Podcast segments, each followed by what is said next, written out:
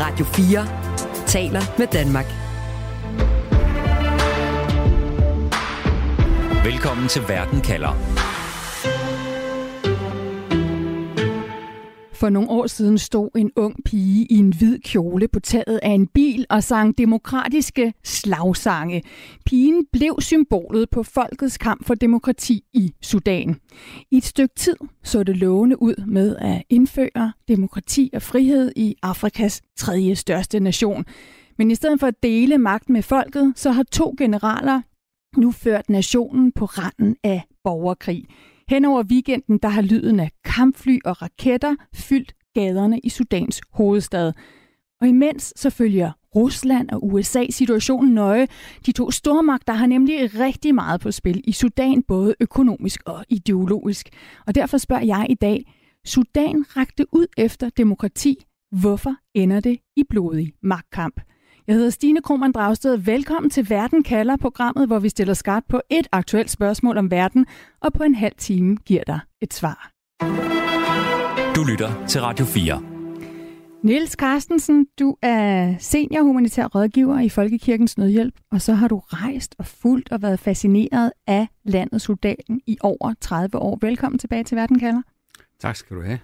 Niels, det er jo lige præcis i den her måned, at vi skulle have fejret en overgang fra militærstyre til civilregering i Sudan, og i stedet for så er der lige nu blodige kampe i gaderne over store dele af landet. Handler de her kampe overhovedet om, hvorvidt der skulle være mere eller mindre demokrati i Sudan, eller handler de alene om, hvem der har de stærkeste militære muskler i landet? Lige nu er det en kamp om, hvem har de største militære muskler. Det er en kamp mellem det gamle militær, øhm, establishment, altså de sudanesiske øh, væbnede styrker, og så den her milits, der startede ude i Darfur, men har vokset sig til en stor, betragtelig stor og stærk kampstyrke, som man kalder Rapid Support Forces. Og de slås dybest set om den ultimative magt lige nu. De slås om, hvem af dem skal sidde for bordenden, når betingelserne for en, en, en formodentlig en pseudo-civil regering skal sættes på et eller andet tidspunkt, hvis det her øh, finder sig en løsning. Og du kalder det en pseudo-civil regering, altså det her, den her overgang fra militærstyre til civil regering, som vi ellers havde ventet på i den her måned. Hvorfor det? Det gør jeg nok mest, fordi jeg kigger mig hen over højre skuldre og kan se, at efter 3-4 år siden Kanaka og de andre gik på gaden og fik fjernet Omar el-Bashir noget, det internationale samfund havde prøvet på i årtier og ikke lykkedes med, men det lykkedes dem at få dem afsat. 100.000 blev dræbt i processen. Så lykkedes det alligevel generalerne at holde fast og lave den ene studehandel efter den anden, hvor man ligesom fik det til at se ud, som om man fik en slags overgangsregering med en slags civilleder, men i realiteten har de to generaler, der, der slås nu, aldrig sluppet øh, håndtaget på, på rettet og på gaspedalen og på bremsen. De har holdt fast i det hele. De skulle have taget et skridt ned ad den bane, der hed at gav, give en eller anden form for ja, mm, kransekagefigur, øh, civil regering på toppen, så det så bedre ud over for resten af verden. Mm. Men de kunne simpelthen ikke blive enige om, hvem af de to, der skulle bestemme fremadrettet. Så, så ikke engang det kunne de blive enige om. Altså, så det, det er en kamp lige nu, siger du, om at fastholde magten for at, at beskytte simpelthen sine egne økonomiske interesser, fordi vi sidder med to grupper, der har militære muskler, men også har kæmpe store øh, interesser i at beholde magten, i at, i at have økonomiske interesser i, i landet Sudan. Niels, inden de her blodige magtkampe startede, som vi taler om, så spirede det her håb jo for frihed og demokrati frem i, i Sudan. For fire år siden, der fejrede vi, øh, at øh, den gamle diktator Omar al-Bashir, han blev væltet.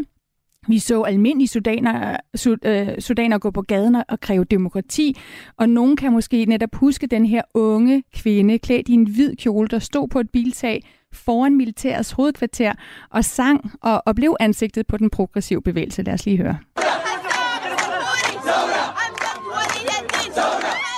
Men det endte altså med, at øh, den midlertidige regering, der arbejdede for at afholde demokratiske valg, at de blev udfordret af landets to stærke militære grupper. De slog sig sammen, de her militære grupper, imod demokratikræfterne, og de har kuppet sig til magten.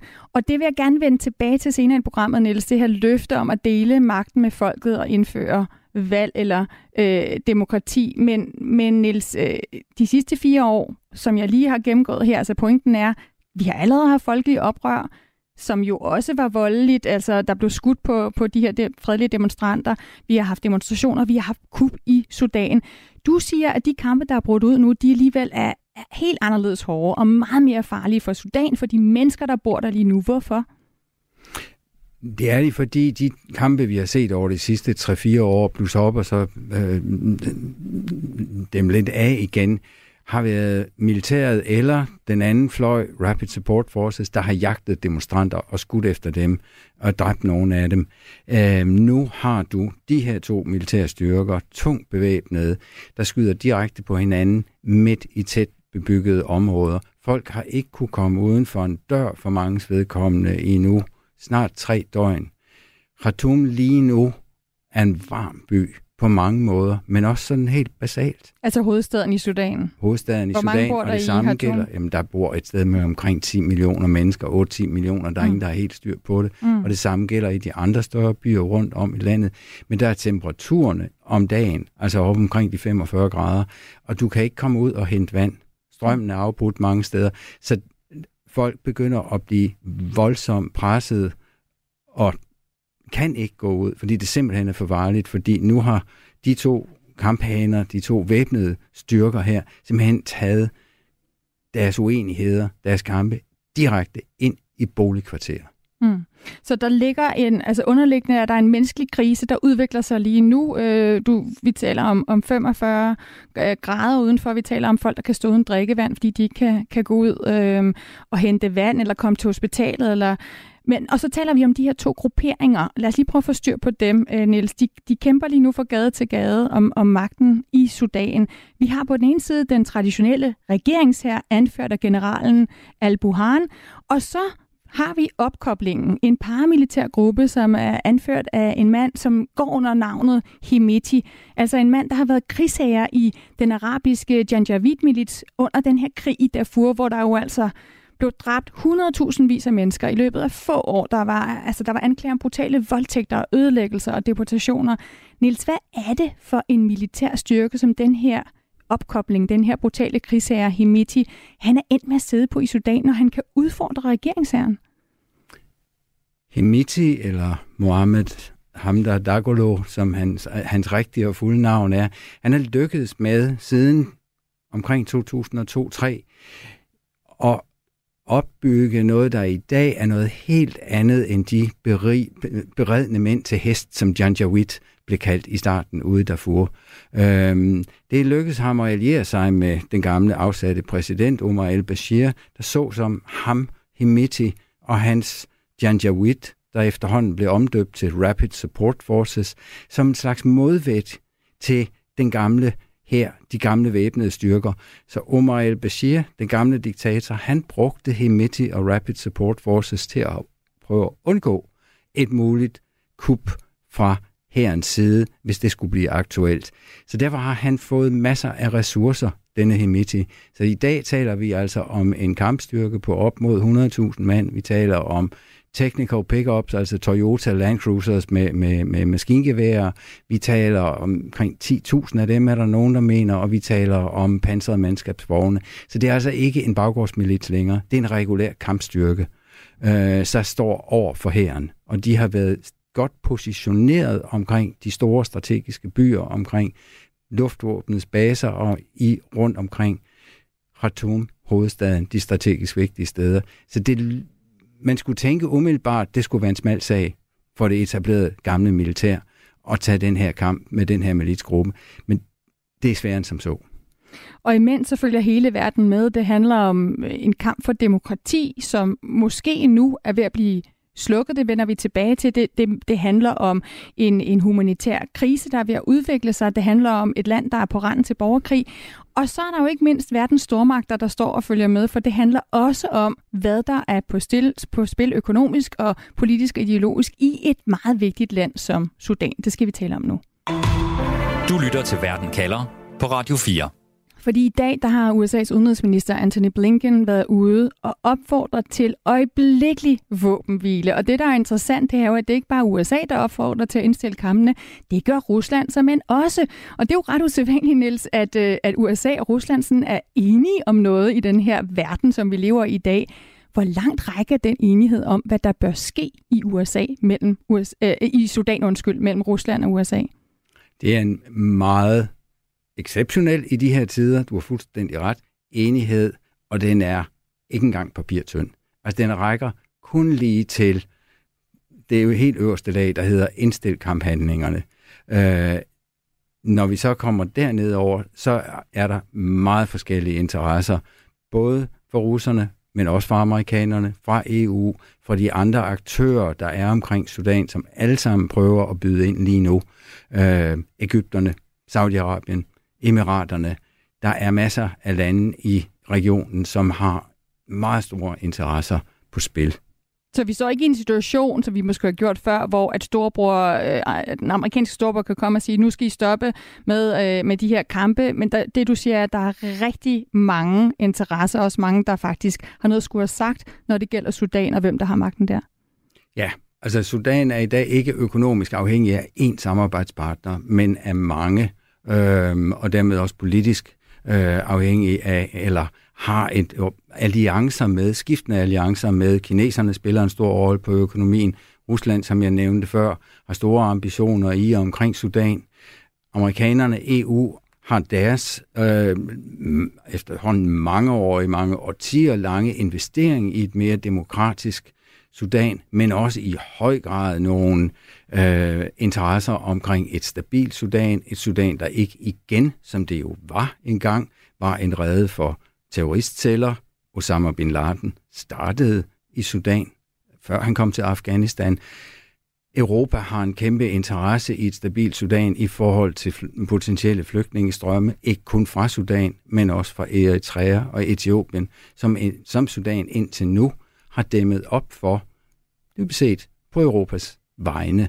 Så mm. bare de her spillere, og vi kunne blive ved med at nævne Ægypten, Ægypten er fuldstændig afhængig af vandet, der kommer løbende fra Etiopien gennem Sudan ind til Ægypten, så det er en livslinje det er en, for Ægypten, så der er mange aktører, som har aktier i det her.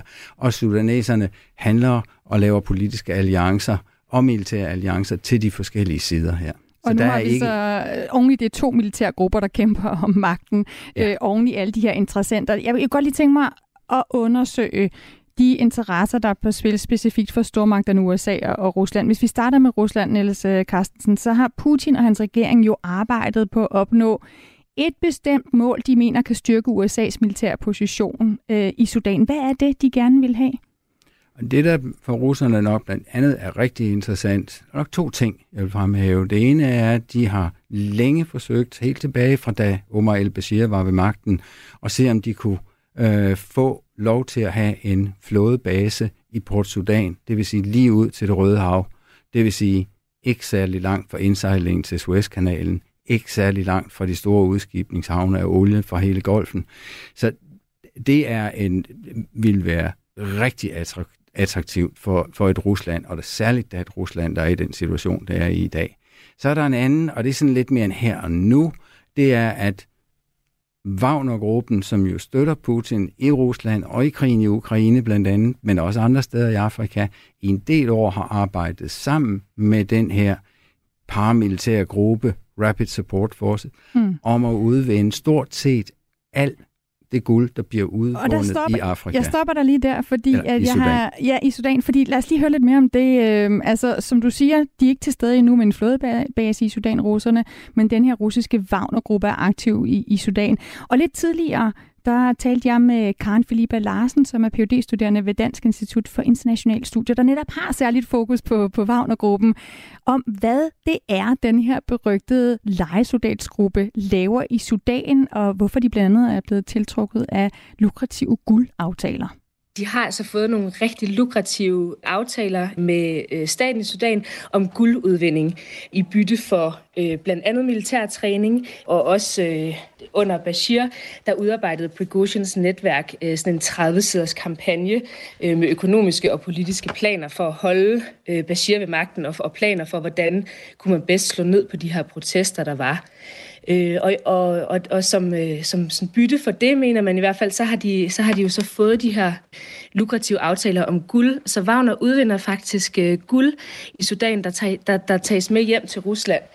Og, øh, og efter krigen, altså efter krigen i Ukraines start, så har vi også hørt rapporter om, at, øh, at det her guld har fungeret som sådan en form for støddæmper for Ruslands økonomi, i forbindelse med, at Rusland jo har været øh, massivt ramt af internationale økonomiske sanktioner. Men man kan sige, det, man skal også se Sudan som sådan en en form for øh, logistisk hub for Wagner-gruppens operationer øh, i på den her del af det afrikanske kontinent. For eksempel så, øh, så bliver der øh, smuglet diamanter fra den centralafrikanske republik gennem Sudan og på den måde ud og, og væk fra kontinentet og enten til Rusland eller til andre sådan, transitlande.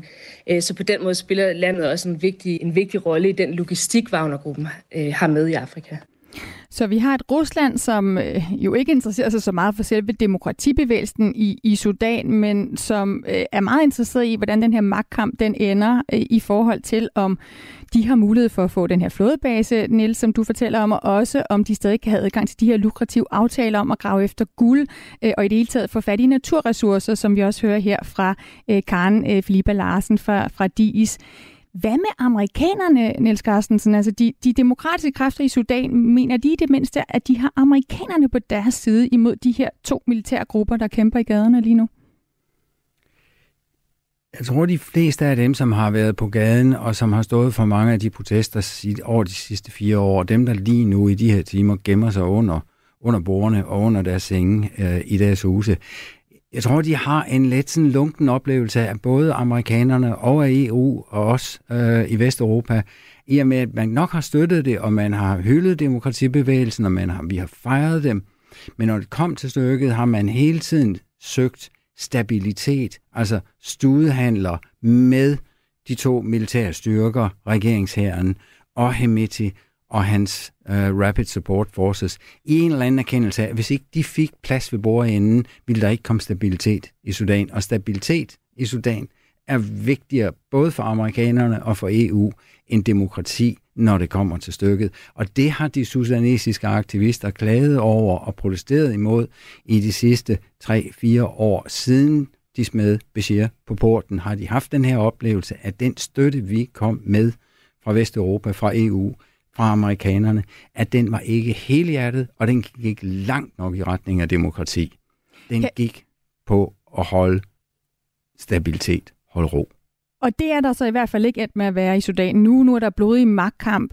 Kan det ende, Niels, med at forvandle sig til en, en proxykrig? Altså nu, når vi taler om Sudan som sådan en brandpunkt for kampen mellem Rusland og USA's indflydelse, kan vi ende der, hvor vi har verdens stormagter, der støtter hver deres side? Altså, Både ja og nej, fordi jeg tror, at det er der, der er et helt klart elementer af det. Amerikanernes lod ligger ikke entydigt i hverken den ene eller den anden af de her væbnede grupperinger. Der er russernes nok noget mere entydigt i forløbig. Men det her er ikke en stormagtskonflikt endnu. Men vi har jo set, som for eksempel i Syrien, hvordan en konflikt, som egentlig er primært national, meget hurtigt kan gå hen og blive det, man kalder en proxykrig. Og det kan man godt risikere i Sudan, fordi så mange ikke bare fjerne magter som USA øh, og Rusland, men også for eksempel, ja, Ægypten, lige op af Nilen, har kæmpe interesser i Sudan. Mm. Sydsudan har det osv. Så alle de her magter har interesser. Saudierne har tæt samarbejde, Emiraterne osv.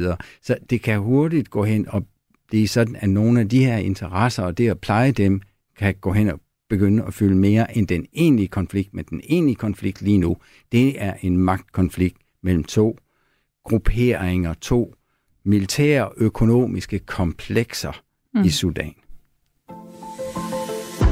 Radio 4 taler med Danmark.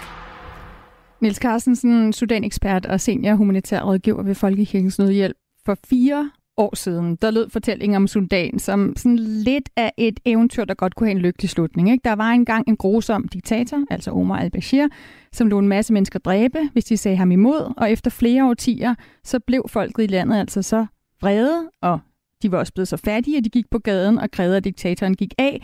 Og de gav ikke op, selvom han torturerede dem, selvom han skød efter dem. Og til sidst så fik diktatorens generaler så også nok og tog magten fra diktatoren og lovede at dele den magt med folket og indføre valg og demokrati. Niels, dem, der har kæmpet for et frit og demokratisk Sudan, som er blevet snydt af de her to magtglade øh, grupperinger, militærgrupperinger, der lige nu kæmper. Hvor står de lige nu? Hvor stærkt står de? Lige nu står de ikke, altså de gemmer sig. Øh, de har ingen, der er meget få protester lige nu, for det simpelthen er for farligt at gå på gaden, i hvert fald i alle de store, større byer. De står i en situation, hvor de måske kunne have oplevet, at de, at de fik kappet hovedet af et uhyre, og nu står de med et uhyre, der bare har vokset to nye hoveder. Så de er, de er trængt helt tilbage på hælene, og lige nu selvfølgelig kan de ikke gøre andet end at gemme sig. Det har indtil nu ikke været en væbnet folkelig modstand. Det har været en fredelig folkelig modstand, som kom ekstremt langt med at undgå at gribe til våben øh, og insistere på, at de var fredelige. Nu står de og, og, og må se, at alle de ofre, de har bragt frem, egentlig kun har ført til, at vi er tættere på en regulær hus til hus, gade for gade, borgerkrig i store dele af de sudanesiske byer. Så øh, du siger, at vi er tættere på, på, en, på en borgerkrig. Altså, hvordan vil du beskrive det, der sker lige nu? Det er ikke en proxykrig endnu, hvor alle mulige fremmede magter har en del af, af, af spillet. Men, men hvordan vil du beskrive det? Er vi allerede på vej i en borgerkrig, eller er, er det en borgerkrig, det der foregår lige nu? Jeg tror, at sidder du i, i Riyadh eller i Amarat, eller som er nogle af bydelene, hvor kampen i øjeblikket er allerhårdest, så oplever du det her. Fuld, altså, det er en borgerkrig. Du kan ikke beskrive det meget ord. Alle de øh, beskeder og de ting, jeg kan se på Twitter om, hvad folk de skriver om, altså det er en borgerkrig, og de står midt i den. Når jeg holder lidt igen, så er det selvfølgelig, fordi det endnu ikke har omfattet hele landet. Det omfatter ikke landområderne i, i nævneværdig grad endnu, men det er primært baseret omkring de store byer. Øh, men for de mennesker, der er fanget i det her, der er det en borgerkrig. Vil det være noget, vi kan mærke i, i Europa, i i Danmark, øh, hvis det øh, ender i en øh, fuldskal borgerkrig i Sudan? Det, det er enormt svært at sige, hvordan vi vil komme til at mærke det. Vi vil komme til at mærke den på den ene eller den anden måde, men det havner, eller handler ekstremt meget om, hvordan det her det lander ender de med at lave et eller andet kompromis mellem de her to væbnede grupperinger, komme tilbage til forhandlingsbordet, lave en ny civil overgangsregering. Øh, det kan være et scenario. Et, et andet er, at det fortsætter ned ad sporet, der hedder borgerkrig. Hvis du ikke får et mere åbent og tilbage på sporet mere demokratisk Sudan, så tror jeg i hvert fald, man vil se, at andelen af sudanesere, som giver op og ikke mindst blandt de unge mennesker, og som prøver at søge væk, også til Europa, den vil naturen nødvendigt stige. For der er meget let at se frem til i et Sudan så. Du lytter til Radio 4. Vi har altså lært, at dem, der kæmper for demokrati i Sudan, de har det rigtig svært lige nu, og at øh, de kampe, der foregår, de handler om at øh, både spille med de militære muskler, men også om, hvem der i sidste ende får magten og kan beskytte de kæmpe økonomiske interesser, det her også handler om. Og at der er store magtsinteresser og alle mulige andre lande, der sidder og følger med, fordi de har meget på spil, når det gælder Sudan. Og så kunne jeg godt tænke mig at få en konklusion på det spørgsmål, jeg stillede i starten, Niels Carstensen. Vi har et Sudan, der rakte ud efter demokrati. Hvorfor ender de i en blodig magtkamp, hvis du skal summere op?